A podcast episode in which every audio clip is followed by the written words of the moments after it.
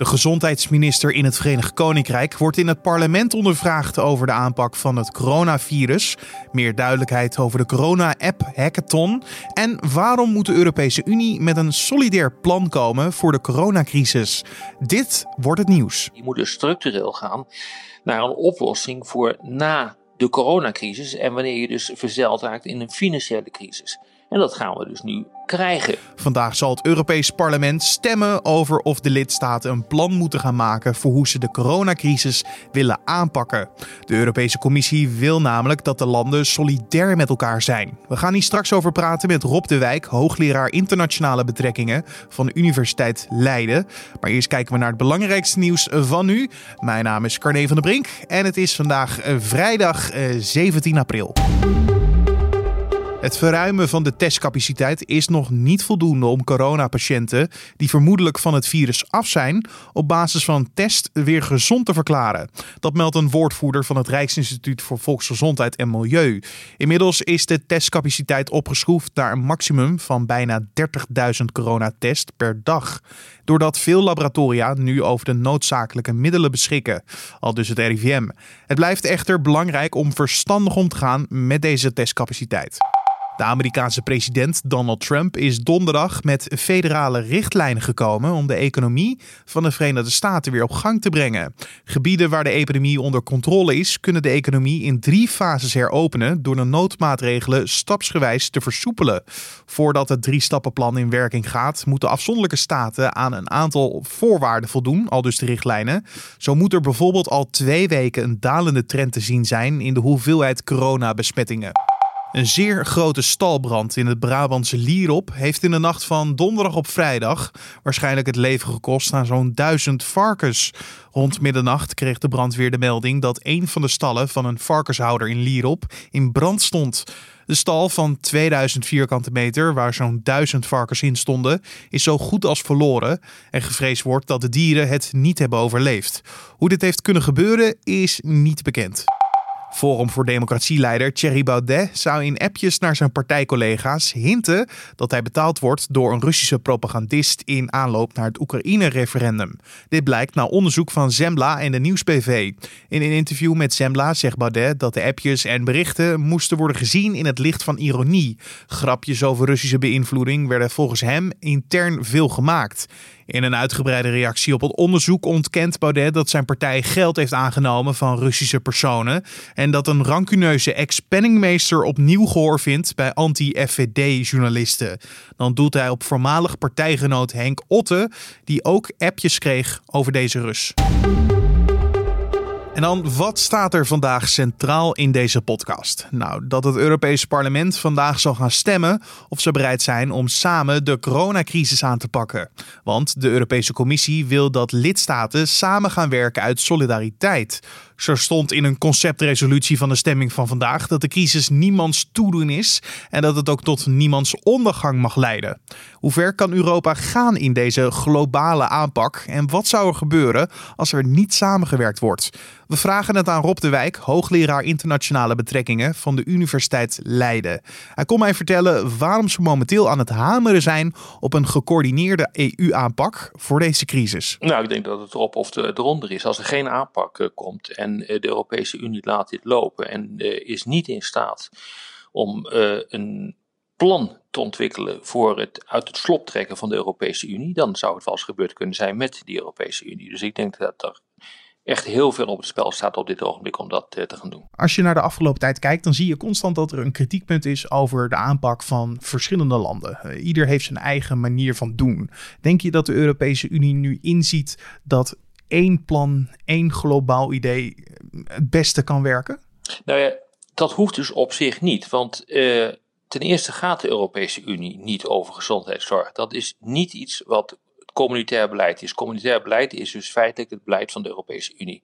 Ze kunnen een aantal aanbevelingen uh, doen, ze kunnen geld beschikbaar stellen, maar hoe een land dat doet, moeten ze zelf weten. Die grote verschillen zie je ook in, in de Verenigde Staten.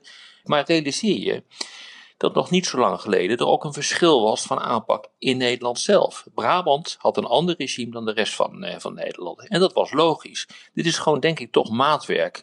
En als je echt gewoon kijkt wat er aan de hand is, dan moet je toch constateren dat, uh, dat het redelijk in de pas loopt hoor, al die aanpakken. Het gaat allemaal over het uh, afstand houden.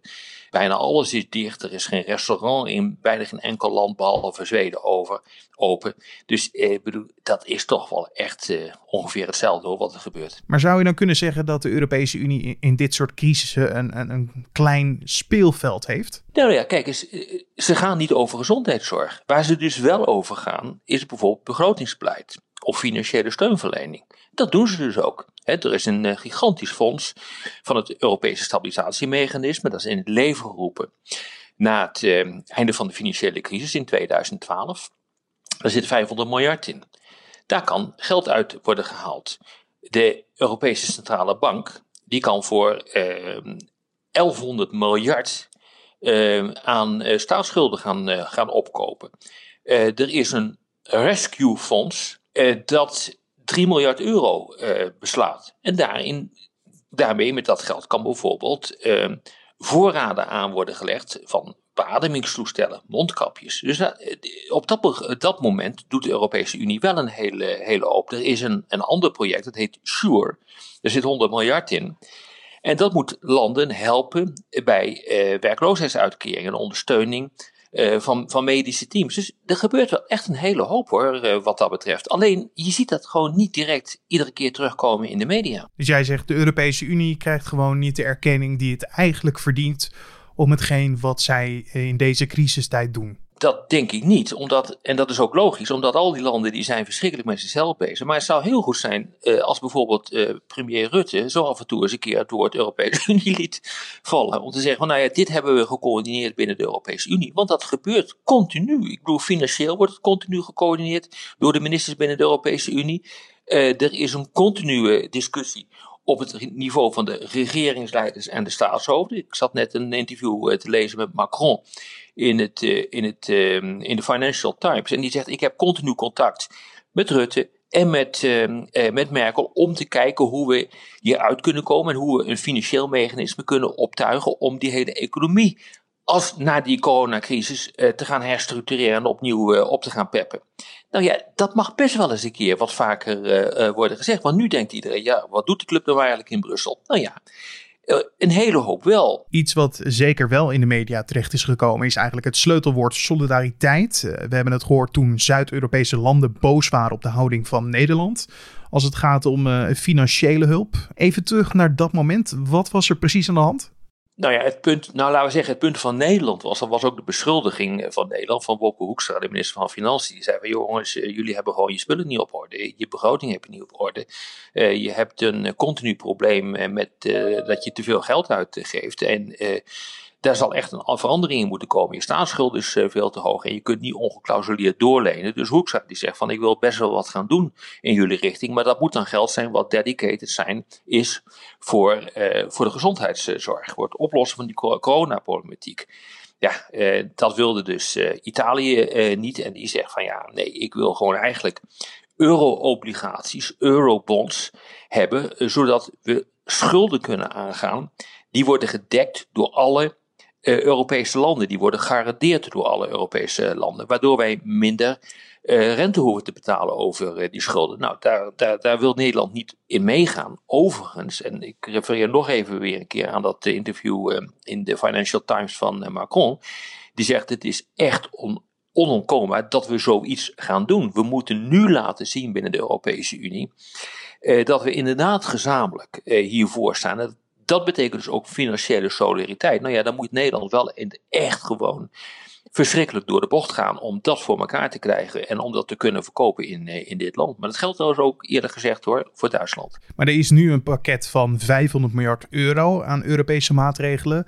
Als het gaat om de financiële hulp aan landen zoals Italië en Spanje. Maar als je deze ja, eh, woorden van Macron hoort, deze quotes, dan, uh, dan kan je ervan uitgaan dat de eurobonds op een gegeven moment weer op tafel komen. Tuurlijk, omdat dit noodmaatregelen zijn. Hè? Dus zeg maar wat er dus in dat, uh, uh, dat Europese stabilisatiemechanisme is, dat is dus een noodmaatregel. wat de ECB, de Europese Centrale Bank, doet, dat is een noodmaatregel. Al die andere fondsen die ik net heb genoemd, dat zijn noodmaatregelen. Je moet dus structureel gaan naar een oplossing voor na de coronacrisis en wanneer je dus verzeild raakt in een financiële crisis En dat gaan we dus nu krijgen.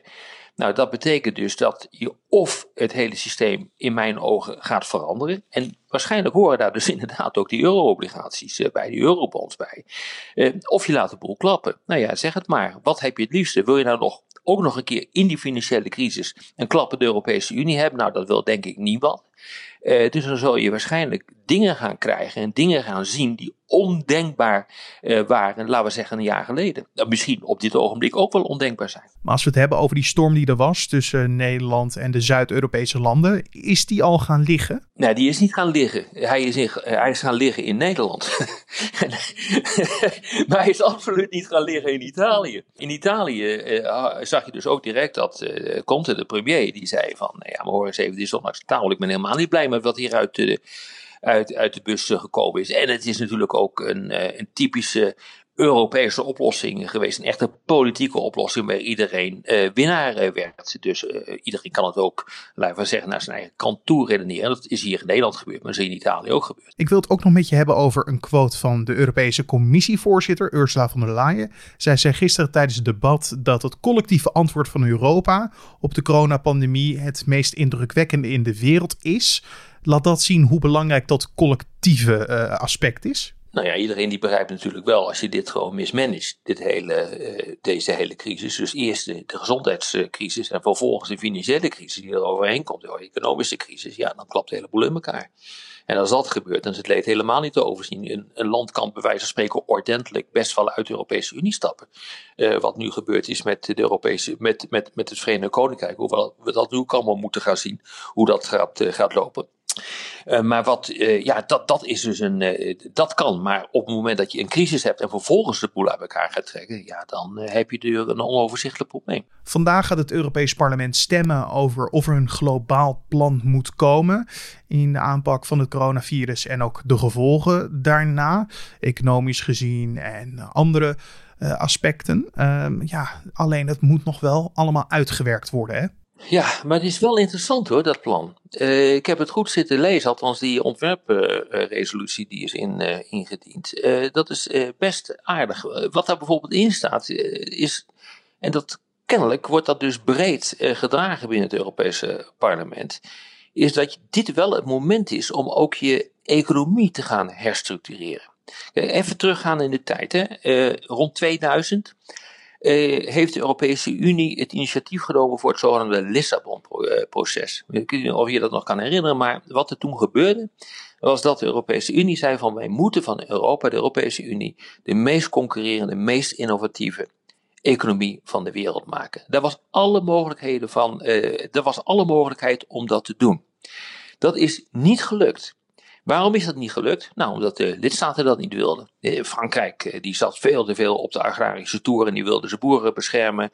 Ehm, eh, Duitsland deed, deed wel wat, Nederland deed eigenlijk niks in die tijd. En daar kwam dus helemaal niets van terecht. Nu eigenlijk zie je dat zo'n idee weer uit de slop wordt gehaald.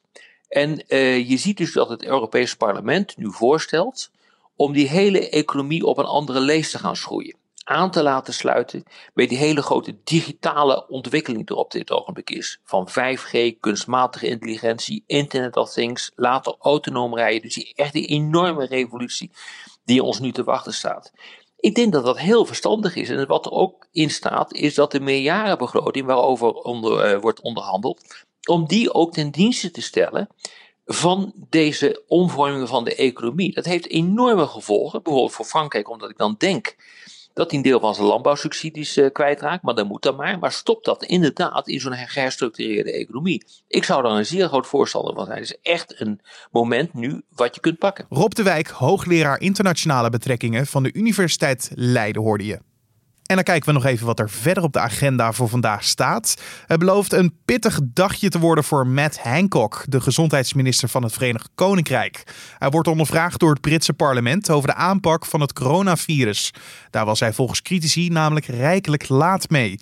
Inmiddels liggen de Britten met bijna 14.000 doden al aardig op koers om uiteindelijk zwaarder getroffen te raken dan Italië en Spanje. En vandaag wordt meer bekendgemaakt over de hackathon die dit weekend plaatsvindt rondom de nog te bouwen corona-apps. Een appathon, zo noemde het ministerie van Volksgezondheid het zelf. Het idee is dat er zaterdag en zondag een paar mogelijke corona-track-apps te zien zijn op een bepaalde website, die iedereen dan kan testen, beoordelen en feedback kan geven. Maar waar je precies moet zijn en hoeveel tijd je hebt, dat moet vandaag duidelijk worden. En dan het weer. Vandaag is het een zonnige en droge dag. In het zuiden wordt het lokaal zelfs 22 graden. Het noorden blijft wat achter qua temperatuur. Door de matige noordoostelijke wind komt het kwik in de noordelijke provincies niet hoger dan maximaal 15 graden. En de Wadden moeten doen met zo'n 11 graden vandaag.